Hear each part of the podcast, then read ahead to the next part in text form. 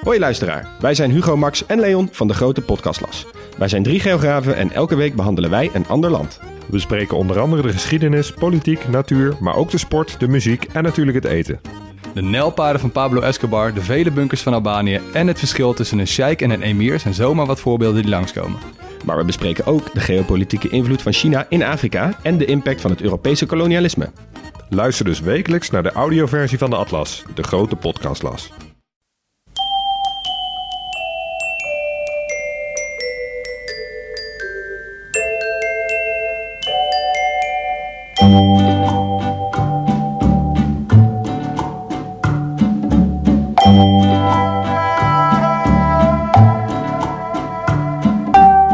Welkom bij aflevering 21 van de Echt Gebeurd podcast. Waar echt gebeurde verhalen worden verteld door de mensen die het zelf hebben meegemaakt. In deze podcast een verhaal van Sigurd Sloot. Het thema van de middag was lichtbeesten en leugenaars.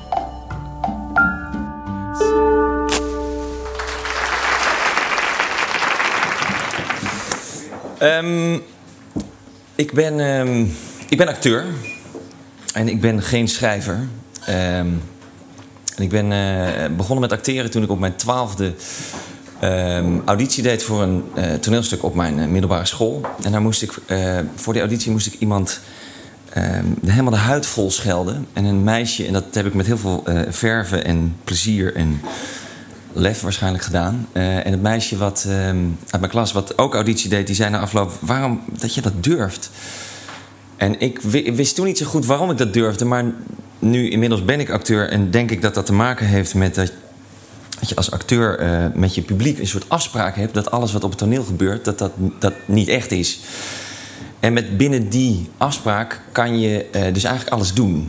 Uh, sta je niet voor lul, uh, hoef je niks te verantwoorden. De afspraak is, wat daar gebeurt, is niet echt. En die is heel duidelijk. Um, Ongeveer, ongeveer, vijf jaar geleden werd ik uh, gebeld door een goede vriend van mij, Ernest van der Kwas. Dat is een uh, jongen met wie ik op de middelbare school had gezeten. Um, en hij is schrijver. En hij um, had uh, inmiddels al twee boeken geschreven. Eentje onder zijn eigen naam en eentje onder een pseudoniem. En dat had hij gedaan omdat hij als beginnend schrijver meedeed aan een schrijfwedstrijd. En terwijl hij meedeed en zijn inzending wilde insturen, dacht hij... Volgens mij is deze jury zo politiek correct... dat uh, iemand met een allochtone naam waarschijnlijk eerder zal winnen dan ik. Dus hij heeft nog eenzelfde verhaal geschreven. En dat ingestuurd onder de naam Youssef El Halal. en Youssef El Halal won prompt de schrijfwedstrijd. Um, en deze Ernest, die vriend van mij, die, heeft, um, die dacht toen... Dit is, dit is een buitenkantje, ik moet dit um, gebruiken. Dus die heeft gedurende drie jaar volgehouden dat Youssef El Halal bestond. Hij liet alle communicatie via e-mail gaan. Maar goed, Youssef werd ook soms uitgenodigd voor een optreden. Uh, Ernest studeerde economie en die had aan de Marokkaanse jongen naast hem gevraagd: van, Zou je een keer naar een optreden willen gaan en een tekst van mij voorlezen? Moet je gewoon zeggen dat je Youssef bent. Krijg je de helft van het uh, geld wat ik ervoor krijg. Nou, die jongen deed dat. Die jongen las niet altijd zijn tekst, dus het kwam wel eens voor dat hij zijn tekst als Youssef El voorlas en zelf voluit in de lach schoot. Wat heel weird is als een schrijver voluit in de lach schiet om zijn eigen tekst. En um, op een gegeven moment, na uh, ongeveer 2,5 jaar dat, uh, dat die Youssef bestond... Ernest had mij dit wel eens verteld. En um, belde Ernest mij op en die zei... Hi, um, ik heb een probleem met Youssef. Want Youssef heeft inmiddels een column in uh, de Belgische krant Standaard. En die zijn erachter gekomen dat het een pseudoniem is... En die willen zeker weten dat er geen blanke LPF'er achter dat pseudoniem zit. Dus Um, willen ze mij spreken? Maar ja, dan zien ze dat ik Ernest ben en niet Youssef. Dus uh, hoe is jouw Marokkaans accent? Dus ik zei aan de telefoon, ja, is, is geen probleem. Ik kan gewoon een beetje zo praten. Wil je, wil je dat ik opbel, uh, zeg ik ben Youssef? Hij zei, ja, ja, dit is te gek, dit is te gek. dus ik, ik zat op dat moment in een uh, acteursbus onderweg naar uh, Dronten, geloof ik... om daar een voorstelling te gaan spelen. En ik heb tegen de andere acteurs gezegd van... jongens, jullie, jullie moeten even stil zijn. En ik heb naar de uh, redacteur van die uh, Belgische krant gebeld. Tom, Tom Hermans heet die man. Uh, dat onthoud ik ook gewoon, denk ik, de rest van mijn leven. En ik heb gezegd, ja, met Youssef, jullie wilden mij spreken. Ik snap niet waarom, wat is het probleem? Tom Herremans zei... Ah, Youssef, dat is fantastisch dat ik u eindelijk spreek. Het is, het is echt... eh, ja, ja, ja, ja, we zitten toch echt met een probleem. En ik zei, ja, maar ik begrijp niet echt wat het probleem... En ik dacht, shit, dit gaat helemaal verkeerd, joh. Ik begin Vlaams te praten. Ik heb als acteur een beetje moeite om een eh, accent vast te houden als ik een ander accent hoor. Ehm, dus ik, nou goed, ik heb mij door dat ges- telefoongesprek heen ge, gebluft. Ik heb daarna nog een interview voor de FIFA ook via de telefoon als Youssef El gedaan. Maar dit is allemaal voorgeschiedenis, want uiteindelijk kreeg Youssef, eh, eh, eh, kwam zelfs een boek eh, van wat hij. eh, eh, hij heeft een boek geschreven, de uitgeverij wist ervan. Op het moment dat het boek uitkwam, kwam ook uit dat, kwam er een krant achter dat het een pseudoniem was. Ehm, een paar jaar daarna belde Ernest mij op en die zei: Je weet nog van Youssef, ehm, ik ben nu bezig met een nieuw boek. en ehm, ik ben een enorme fan van Arno Grunberg, zei hij. Ik, mijn, zijn thematiek, het verliezen van identiteit, daar voel ik me heel erg toe verwant, me- mee verwant. Dus ik, ik wil eigenlijk. Kijk, Arno Grunberg heeft die thematiek in al zijn boeken. Eh, en hij heeft eh, dat eigenlijk vervolmaakt door Mark van de Jacht, een pseudoniem van Arno Grunberg, in het leven te roepen. Daardoor heeft hij niet alleen de thematiek in zijn boeken, maar ook in het echte leven gebracht. Ik wil eigenlijk nog een stap verder gaan. Ik wil een boek schrijven waarvan iedereen zou zeggen: dit is de nieuwe Arno, Arno Grunberg. Wat Arno Grunberg niet geschreven heeft. Dus ik wil een boek in de stijl van Grunberg schrijven, maar dat kan natuurlijk niet onder mijn eigen naam uitkomen. Ehm, het boek heet Stand In en het gaat over iemand die ehm, stand-in wordt van schrijvers. En eh, schrijvers die eh, optredens of boekpresentaties of prijzen ophalen allemaal niet zelf willen doen omdat ze bang zijn of ehm, eh, bedreigd worden of wat dan ook. En die stand-in die wordt uiteindelijk bekender dan de schrijver zelf. En omdat ik dat dus niet zelf kan doen, dacht ik, ik moet een acteur daarvoor hebben. En omdat ik jou ken, dacht ik, misschien moet jij dat doen. Het idee is dat uiteindelijk eh, recensenten erachter zullen komen... Jezus, maar dit moet, dit is, dit, dit is zo identiek aan hoe Grunberg schrijft. En die Sigar Sloot, dat is, die is acteur. Nee, dit klopt niet. Dit moet de nieuwe Grunberg zijn. Nou, daar zouden we natuurlijk nog heel veel reuring mee eh, creëren. En dat zou het boek eh, goed helpen met de verkoop. Ehm, en hij zei, zou je dat leuk vinden om te doen? Toen zei ik, nou ja, ik, ik kon niet gelijk overzien wat het zou betekenen. Maar ik kwam er al vrij snel achter. Ik ben er met mijn ouders en mijn zusje en mijn agent... die ik als acteur heb en een paar beste vrienden over gaan praten. Ik moest, moest de cirkel van ingewijden zo klein mogelijk houden. Ehm, ik, ik kwam er al vrij snel achter dat... ehm, ik dacht, ja, ik vind het eigenlijk wel een goede stunt. Het is, eh, het is een beetje spelen met identiteit... Uh, misschien krijg ik nog wel wat extra uh, publiciteit erdoor, omdat mensen in de, in, de, in, de, in marketing dan denken, of, of kranten denken: oh, dat is een acteur, dat is een soort dubbeltalent en een schrijver en acteur. Nou, dat, dat werkte uiteindelijk ook zo. Uh, dus ik dacht, ik, ik wil het wel doen.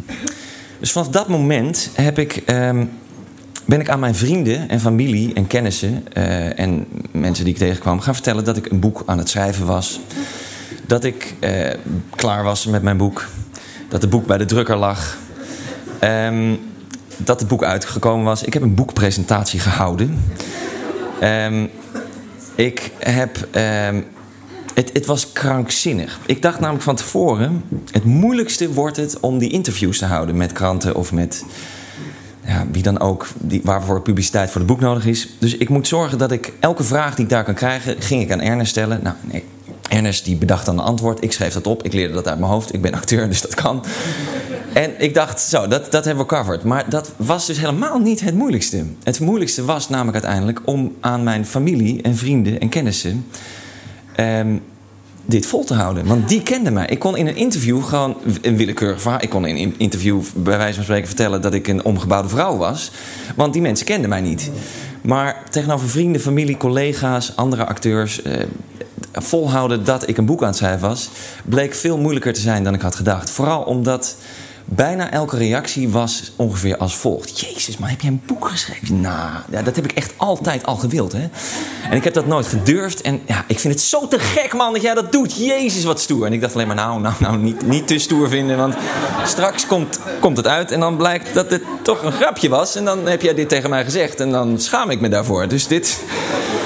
Ik voelde mij al vrij snel redelijk ongemakkelijk. Ik kwam ook een meisje tegen en die vond mij leuk. En ik dacht, vindt ze mij leuk omdat ik een schrijver ben? Of vindt ze mij leuk? Dus ik heb het haar al vrij snel verteld. Nou, dat... dat Ehm, ik kwam in krankzinnige situaties. Ik was aan het repeteren voor een toneelstuk.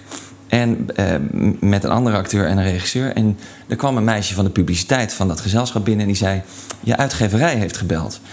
En iedereen keek mij zo aan. Ik zei: "Oh, eh, Ja, ja, ik, ik, ben een, eh, ik ben een boek aan het schrijven. Jezus, wat te gek, waarom heb je dat niet verteld? Ja, nou ja, was er niet van gekomen. En ehm, ja, de, de, de uitgeverij belde, want ze willen eh, qua publiciteit iets eh, samen met ons doen. Want eh, de première van dit stuk is tegelijkertijd met jouw boekpresentatie ongeveer in dezelfde week. Oh ja, zei ik, ja, ja, ja dat moeten we dan. Ja, dat is, eh, doe dat, lijkt me een goed idee, toch?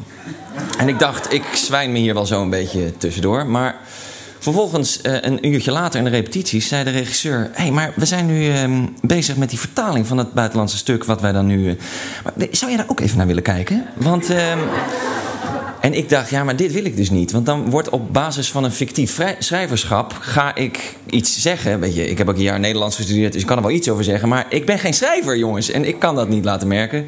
Want dat was dus de groot, het, was het grote ding. Ik moest de hele tijd volhouden... dat dat boek van mij was. Ik heb het bij me. Dit is het boek. Dit is niet mijn boek. Eh, mijn foto staat achterop. De eerste keer dat ik dit zag, dit was krankzinnig. Ehm, het was eh, soms heel eenzaam. Ik had gelukkig dus een paar vrienden aan wie ik het kon vertellen. Maar ja, die, die cirkel van ingewijden moest ook zo klein mogelijk blijven. Want ja, Jezus, eh, iedere keer als ik het iemand vertelde, dan moest hij mee gaan liegen. Dus dat was een grote verantwoordelijkheid ook.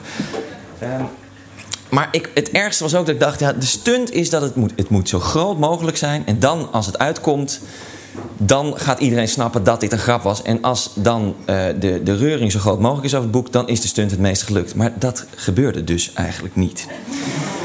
Het boek, het is geen slecht boek, vind ik. Maar wat weet ik, ik heb maar een jaar Nederlands gestudeerd. Ehm, ehm, maar het is, ehm, het is nooit geïdentificeerd als een boek van Grunberg. Dus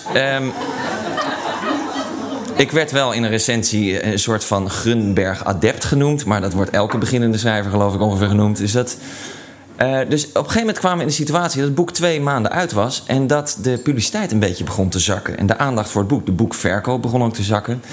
En eh, ik had ongeveer dagelijks contact met Ernest, de schrijver. En die zei, eh, ja, die begon steeds meer dingen te bedenken van... maar we moeten nog iets doen om nog aandacht te krijgen.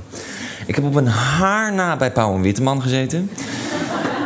Dat is op een haar na, omdat die avond eh, Bram Moskowitz er zat in zijn eentje om over. eh, eh, nou, dat was allemaal heel laatste moment, omdat dat hij het Holleder-proces teruggaf en, en niet meer Holleder wil. Nou goed, dat, dat, dat gebeurt dan. Ik vind het nu nog steeds heel jammer, want voor mij was dat het moment geweest om bij Pauw en Witteman te zeggen: ja, hoi, ik heb het niet geschreven. Dan hadden we maximum exposure. Ehm, maar ik heb bijvoorbeeld, het allerergste was eigenlijk dat ik in een situatie kwam waarbij, ik zeg maar wat, een, een goede vriendin die met mij op de toneelschool zat, ehm, was het meest literair onderlegd van mijn vrienden, denk ik. Dus ik dacht, ik moet zorgen dat als iemand mij gaat ontmaskeren, als iemand gaat, er gaat zijn die zegt, dat boek heb je helemaal niet geschreven, dan is zij het. Dus ik moet zorgen dat ik haar zo dicht mogelijk bij me hou. En ehm, voordat het boek uitkwam, twee weken ervoor, heb ik een kopie van het manuscript naar haar laten sturen. En ik zei, ik ben gewoon zo benieuwd wat je ervan vindt. En ik dacht, als zij nou het leest en denkt, dit is eh Sieger helemaal niet, dan moet ik de eerste zijn die ze belt. Want anders eh, komt het uit, gaat ze tegen anderen zeggen, dat moeten we niet hebben. Ik heb haar echt gemanipuleerd daarin. Ehm, op het moment dat, boek dat zij het boek uit had, heb ik haar gebeld. En eh, zij, ik zat met haar aan de telefoon en zij zei... Ik, vind het zo raar, ik vind het zo krankzinnig. Dat, het is zo niet jij, dit boek. Ik heb echt, nou, het klinkt misschien heel raar, maar ik heb het idee dat jij het helemaal niet geschreven hebt, joh. Ik zei, ach, echt waar, ja, ja. Toen zei waar, waar ben je nu? Zij is thuis. Oké, nou ja, in dat geval, ik heb het niet geschreven. Ik dacht, ja, ik moet haar gewoon maar medeplichtig maken. En zij zegt, ehm, wacht even, ik loop, wat zeg je nou? Ik, ik loop heel even naar de slaapkamer, want ehm, ehm, eh, Marguerite, die vriendin van ons, die is hier. En, eh, en ik denk, oh jezus, dat had ze niet verteld. Er zit dus nog iemand in de woonkamer, die gaat natuurlijk dadelijk vragen... wat was dat met dat boek en Sieger? En, dus ik denk, in een soort leap forward denk ik... eh, nee, natuurlijk, is het boek, natuurlijk heb ik het boek wel geschreven. Zij was vijf seconden stil, begon toen keihard te lachen en zei: Jezus, je had me echt even. Ik dacht echt dat jij niet geschreven had. Nee, joh, natuurlijk zei ik dat. dat wat denk je nou? Eh, ah, dat zou grappig zijn als ik het boek niet had geschreven. Ehm, dat was verschrikkelijk. Ehm, ik, het heeft me ook bijna die vriendschap gekost. Ik heb, ik heb toen het uiteindelijk, we hebben het uiteindelijk uit laten komen. Ik heb, ik heb hele pittige gesprekken met Ernest moeten hebben. Omdat hij, het, hij was er zo bij gebaat dat het boek alsnog toch eens op een manier een succes zou worden. Dus hij wilde het maar door laten gaan. En ik wilde stoppen. Ik, ik was erbij gebaat dat het zo groots mogelijk bekend zou worden dat dit een grap was. Um, dus uiteindelijk hebben we, heeft, heeft hij een, een literaire bekentenis geschreven die in ehm, NRC is afgedrukt. En NRC heeft een interview met mij gehouden, uh, omdat ze mijn eh, verhaal ook wilden horen. En toen kwamen we in de krankzinnige situatie dat het interview met mij zo groot op de kunstpagina kwam te staan. En het literaire bekentenis van Ernest ergens achter in de boekenbijlagen. De inhoud van. Het, was echt een droste-effect. Um, ik denk dat. Wat ik ervan heb geleerd is dat en, en, Ernest riep namelijk de hele tijd: je speelt een rol. Dit is een kunstwerk. Dit is, je moet het zien als een, als een stunt, als een. En ik dacht: ja, ja, maar daar klopt iets niet mee. Want ik speel geen rol. Of nou ja, ik speel natuurlijk wel een rol. Maar die afspraak waar ik het aan het begin over had met als acteur met het publiek, die is er niet. Want het publiek weet niet dat ik acteer. En dat maakt dat, ik, dat het voor mij heel erg voelt als liegen. En heel erg voelt als dat ik mensen aan het bedonderen ben. Um, ik heb het uiteindelijk, het is, uh, het is uitgekomen. Ik heb met een aantal vrienden hele pittige gesprekken gehad... die echt oprecht verontwaardigd waren. Zeiden, je speelt met mijn oprechte gevoelens van trots voor jou. Uh, ik heb mijn excuses aangeboden. Ik heb, uh, het is allemaal redelijk goed gekomen. Um, toen het uit was gekomen heb ik nog één keer een optreden gehad. En bij dat optreden heb ik mijn vriendin leren kennen. Dus het is allemaal niet voor niks geweest.